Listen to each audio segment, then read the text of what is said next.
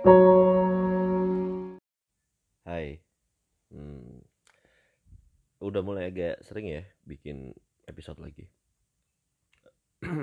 Jadi gue tuh gatel ya. Jadi ceritanya gue baca banyak artikel hari ini tuh ngebahas bukan hari ini sih. Ini sebenarnya topik yang cukup long last tentang pinjol. Jadi gue mau bahas masalah pinjol karena kemarin sempat ada headline berita atau breaking news bahkan. Ya polisi nangkep eh, sarang pinjol ilegal gitu ya.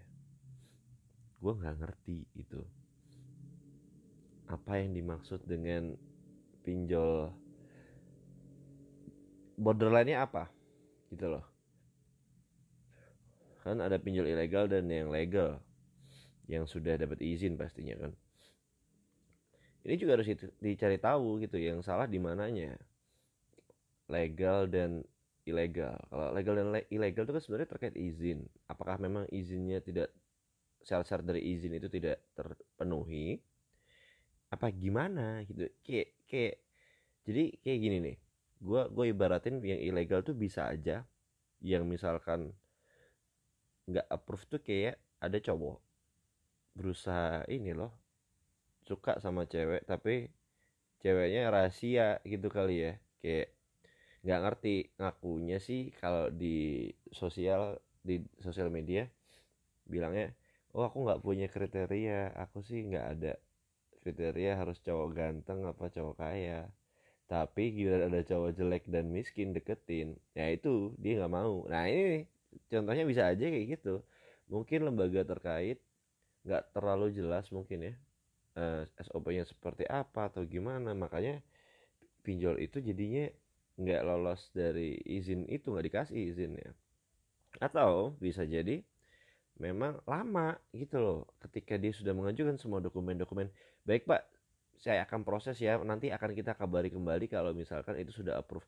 Gitu terus. Jadi kan ilegal dan legal itu apa ya maksud gue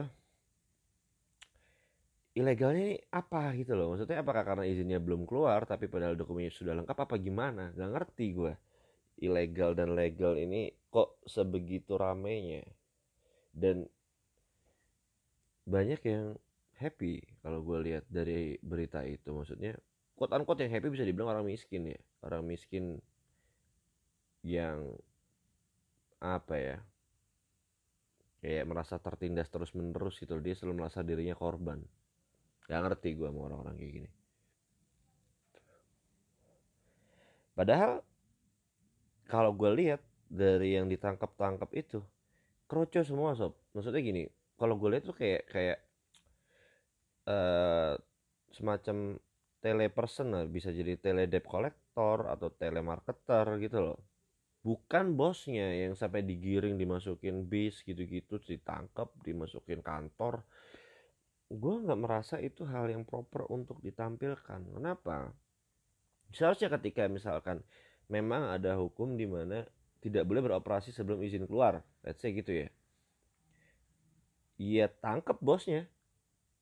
Jangan karyawan-karyawannya ada kok itu adegannya kayak ada sidak ada kayak tam, tayangan. Jadi eh, karyawan-karyawan disuruh angkat tangan lagi pada pakai masker semua kerja depan layar depan laptop depan PC ditangkap tangkapin. Itu mereka orang butuh duit loh. Bahkan orang-orang yang itu dia cuma melakukan pekerjaannya demi menyambung hidupnya gitu loh. What's the point?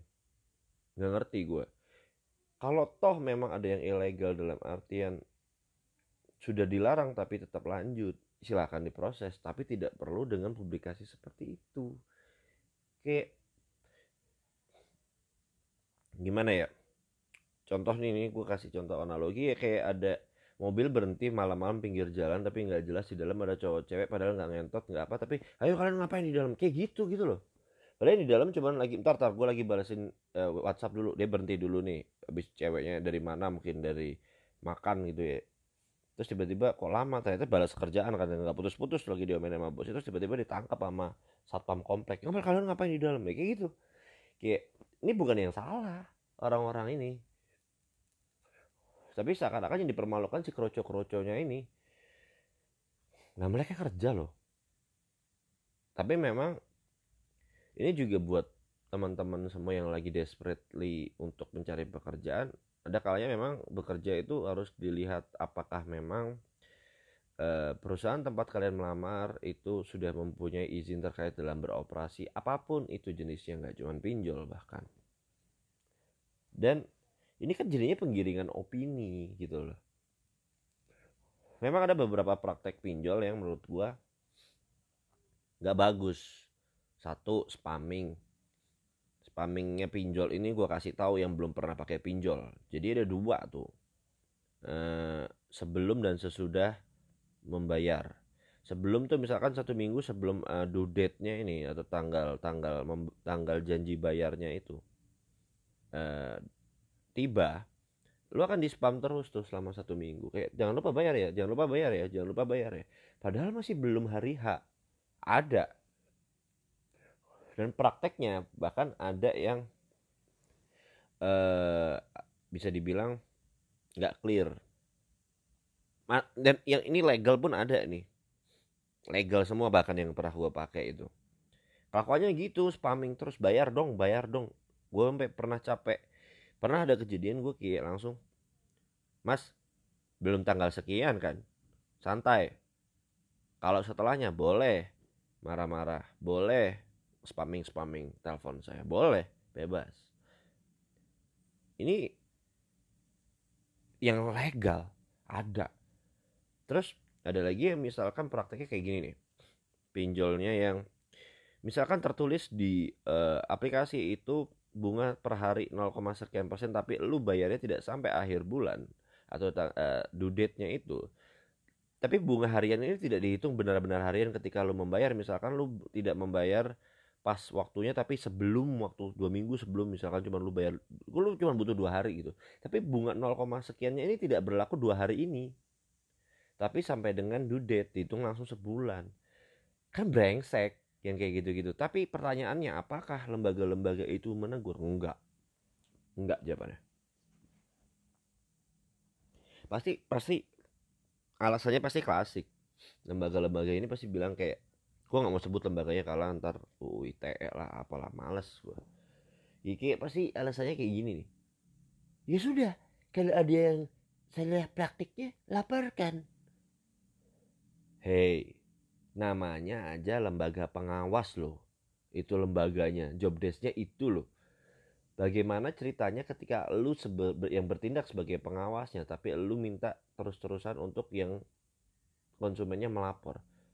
Yang awasin gitu loh. Mengawasi SOP-nya si pinjol yang legal itu gampang lu.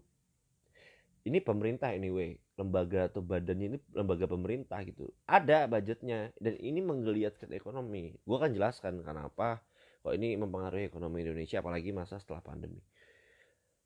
Hello gitu loh kayak dan bahkan ini gue baca ada uh, artikel di Mahfud MD ada modus pinjol itu menyebar foto porno. Karena kan memang di aplikasi itu ada uh, permission yang dikasih misalkan untuk galeri segala macam diambil ambil lah galeri lu. Jadi hati-hati ya buat yang pakai aplikasi supaya dilihat permission dari aplikasi itu bisa apa aja. Ada file ada kontak segala macam kalau bisa saran gue ketika lu sudah minjem lu uninstall sampai lu bayar. Pokoknya lu tahu jadwal lu membayar gimana. Itu itu cara cerdasnya. Karena kita kadang nggak bisa kontrol kejujuran orang-orang ini. Dan lu tahu sendiri ketika melapor seberapa cepat sih direspon sama lembaganya? Lembaga terkait lembaga pemerintah terkait? Lama pasti. Ayo iris kuping gue kalau cepet kecuali lu kenal orang dalam gitu kan. Udah biasa lah praktek nepotisme nepotisme gitu. Gue bukan bilang biasa berarti benar enggak juga itu salah. Dan maksud gue gue harus meluruskan kalau memang ada pinjol yang benar yang prakteknya betul. Yang secara hukum patuh tidak seperti yang dibilang Mahfud MD dia melanggar undang-undang perlindungan konsumen atau dia melanggar undang-undang ITE misalkan. Ada ada ada yang benar cuman yang gue jadi masalah juga ke orang-orang yang pengen victim ini nih. Yang kayak alhamdulillah pinjol akhirnya dibalaskan. Eh, doa-doa orang susah orang-orang tertindas. Lah gimana sih anjing? Gue kayak ini gue kasih tahu sistematika cara bekerja pinjol sampai dengan kenapa laku sampai hari ini ya. Biar lu semua tuh nggak skeptis sama pinjol. Yang salah adalah pinjol ilegal dan yang salah lagi adalah pinjol legal tapi fraud. Yaitu yang melanggar peraturan melanggar undang-undang. Itu yang salah. Tapi pertanyaannya apakah lu yakin gitu loh setelah lu, memaki-maki pinjol segala macam let's say ada ngomong wah parah kita pinjem 8 juta suruh baliknya 12 juta gitu. Itu kan tertera di situ ini praktek yang benar yang harus dilakukan pinjol. Ini gue kasih tahu praktis yang benar harusnya. Oke bunganya harian. Stay harian. Jangan jadi harian itu ketika lu bayar awal jadi tetap bulan gitu loh. Itu salah. Karena balik lagi bunga harian itu tetap dikalinya misalkan 0,6% per hari. Persennya itu dikali ke pokok hutang bukan cicilan. That's why itu gede ketika ditambah-tambah dan tambah lo kok jadi 30-40% total mm, bunganya yang perlu dikembalikan? Terus pertanyaannya gue sampai sekarang nggak ngerti e, batasan bunga batas atas bunga pinjol itu berapa yang ditetapin sama lembaga terkait? Itu loh. Ya menurut gue juga ya masalahnya di mana? Gitu loh. Ya bahkan ini ada yang bilang nih ini ada artikel batas ya, kabar baik bunga pinjol legal ini eh, artikel 24 Oktober baru dua hari yang lalu 0,4 persen per hari jadi ini diputuskan oleh AFPI Asosiasi Fintech Pendanaan. Ini gimana nih Asosiasi Asosiasi Fintech Pendanaan? Ya ya oke oke. Mungkin fintech udah mulai masuk eh, kosakata bahasa ini ya, bahasa Indonesia ya, fintech memutuskan penurunan bunga pinjaman dari 0,8% per hari menjadi 0,4% per hari. Harapannya, dengan turunnya bunga pinjaman ini bisa menjadi pembeda antara pinjol legal dan ilegal. Dengan begitu masyarakat tidak lagi terjebak meminjam dana pada pinjol ilegal yang tidak berizin OJK. Kesepakatannya dengan batas atas maksimal peminjaman bunga kurang lebih 50% salah satunya upaya bagaimana fintech funding terjangkau dengan skala ekonomis yang lebih murah tentunya sehingga bisa membedakan yang legal dengan ilegal. Oke. Balik ke awal. Lembaga pengawasan ini fungsinya apa kalau tidak akan mengecek tidak melakukan pengecekan daily hari demi hari. Harusnya quote unquote ini dibikin seperti KPI kalau misalkan oh ya ini ada tayangan ini tiap harinya dicek dikontrol gitu loh. It's good anyway ya idea ini dari 0,8% per hari dijadikan 0,4% di mana harusnya ini agak jadi kabar buruk buat pinjol yang uh, legal di mana pendapatnya pasti akan turun 50% itu sudah pasti. Kayak misalkan satu bulan ya 0,8 ya 0,8 itu kan berarti dikalikan dengan 30 misalkan. Jadinya 24% jadi bunganya akan jadi cuman 10% doang. 12% lah sorry. Kalau misalkan jadi 0,4 ya ini ini pasti akan mereka harus memikirkan cara lain gimana caranya dapat eh, nasabah lebih banyak. Dan itu susah. Tapi balik lagi lu harus juga tahu posisi positif dari pinjol. Jangan jangan ngaco gitu loh jangan seakan-akan lu nggak baca. Bunganya 0,8 persen per hari itu lu nggak baca yang menurut gua anjing gitu loh. Ya misalkan gini itu kan ada yang bilang e, gua 8 eh, juta bisa harus balikin 13 juta misalkan. Itu berarti berapa bulan lu lihat dulu kasus itu? Misalkan oh iya ternyata uh, bunga itu jatuhnya 6 bulan misalkan. Oh iya 6 bulan oke. Okay. 6 bulan terus gimana? Ya ya berarti uh, berapa persen gitu loh yang perlu harus dipikirin. Dan ini mungkin kalau dihitung kayak kayak jadi sebulan aja bisa 20 persen. 20 persen ini kaliin 24 persen. 24 persen misalkan oh kali tiga bulan udah jadi 60 persen sendiri. Dan maksud gue jangan cuman bunga hariannya yang di pokok atas. Kalau misalkan itu jadi enam bulan. Lu harus balikin bunganya 144% loh. Ini lembaga pengawas juga harus memastikan ya begini-begini nih dan sebagai konsumen juga jangan blow on ya. Gue tau lu susah tapi jangan panik panik buying ngomongnya ya.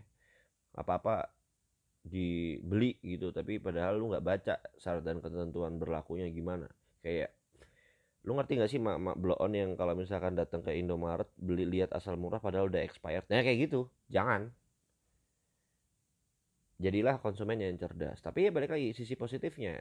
Ini gue kasih tahu gue personally punya masalah yang sama. Karena pinjol akan laku sama orang-orang yang quote unquote sudah blacklist BI yang sudah bermasalah dengan uh, scoring BI-nya atau slick slick apa? Googling sendiri males gue jelasin ya jangan blon blon itu harapan kita apalagi di pandemi kemarin banyak yang default kreditnya alias NPL non performing loan. Dalam artian kredit lu macet. Ya lu susah direstrukturisasi juga. Gimana cara balikinnya? Gue udah nggak punya uang. Gue juga udah nggak punya uh, quote unquote source of fund yang lain misalkan diputus dari kerjaan di PHK dari kerjaan. Banyak case kayak gitu waktu pandemi. Ya pasti orang-orangnya pakai ini adalah orang-orang desperate. Misal gue ya sudah nggak apa-apa. Tapi balik lagi lu juga harus bijak pakai pinjol jangan dipakai konsumtif. Itu salah. Karena ketika pemakaian itu konsumtif ya terus tapi lu nggak punya source of fund let's say bulanan gimana bayarnya? Lu nambahin lagi masalah lu yang lain lu udah dikejar debt collector yang misalkan kredit di bank nih tambah lagi dikejar debt collector yang pinjol. Gitu loh. Dan mereka ini juga tahu kondisi mereka udah alhamdulillah dipinjemin pinjol. Bunganya gede pasti bisa 60 persenan tuh kalau misalkan lu tiga bulan bahkan. Dan mereka sadar gitu loh. Jangan tiba-tiba udah minjem uangnya udah kelar lo pakai habis dipakai apaan nggak tahu bisa aja buat nyewa pecun nggak ngerti kan bisa aja pakai judi slot. Ya gue ketemu soalnya teman-teman gue yang tolol itu yang kerjanya main slot. Kerjanya juga bego dari kerjanya carmuk dong ada gue lu, lu pasti punya tuh teman-teman yang di uh, kerjaan lo yang blow on kerjanya cuma main slot doang tapi gak ngerti dia ngapain dikerjain di situ mending dipecat aja kasarnya gitu ya. Nggak ngerti gua buat apa gunanya manusia-manusia ini kerja gak jelas. Kerjanya judi mulu. Kalau udah duitnya habis pinjam duit temennya. Karena pinjol aja udah blacklist. Pakai nama temennya bahkan tuh pinjolnya tuh. Ngaco kan? Ada orang anjing itu tapi maksud gue jangan pengen victim. Terus akhirnya yang disalahin pinjolnya. Padahal pinjolnya udah nolongin lu. Dan lu sudah baca ketentuan hutangnya gimana. Terus pertanyaannya adalah loh kalau misalkan ilegal salahnya apa? Oke salah beroperasinya mungkin ada pasalnya tapi gue belum baca.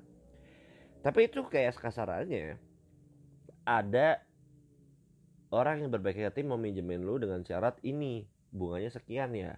Bukan perus bukan kayak fintech yang itu yang legal. Tapi emang jadinya ilegal. Tapi balik lagi dia udah pinjemin lo duit. Otak lo di mana?